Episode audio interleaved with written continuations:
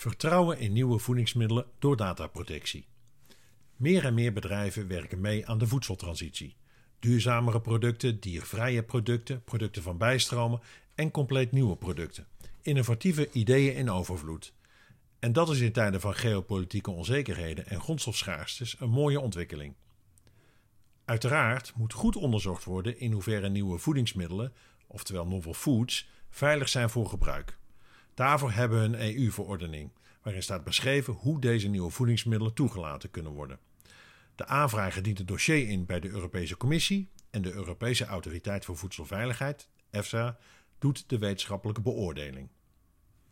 Voor een bedrijf betekent het opstellen en indienen van zo'n dossier een forse investering, zowel in onderzoek als in tijd. Want een toelatingsprocedure kost al snel enkele jaren en als je dan eenmaal bent toegelaten, mag iedereen met jouw kennis en vinding gratis aan de slag. De EU snapt dat dit innovaties niet echt stimuleert. En om dit op te lossen mag je ook een dossier indienen met bescherming van gegevens die essentieel zijn voor de veiligheidsbeoordeling. Als het dossier dan wordt goedgekeurd, zijn je gegevens vijf jaar lang beschermd en kunnen concurrenten dus geen gebruik maken van de veiligheidsstudies die je hebt uitgevoerd voor jouw dossier. Veel bedrijven weten echter niet dat je een dossier met dataprotectie niet zomaar kan gebruiken. Doe je dat wel, dan zijn die producten niet legaal op de markt. Het bedrijf dat een goedgekeurd dossier heeft, kan wel via de Europese Commissie licenties aan andere bedrijven uitgeven.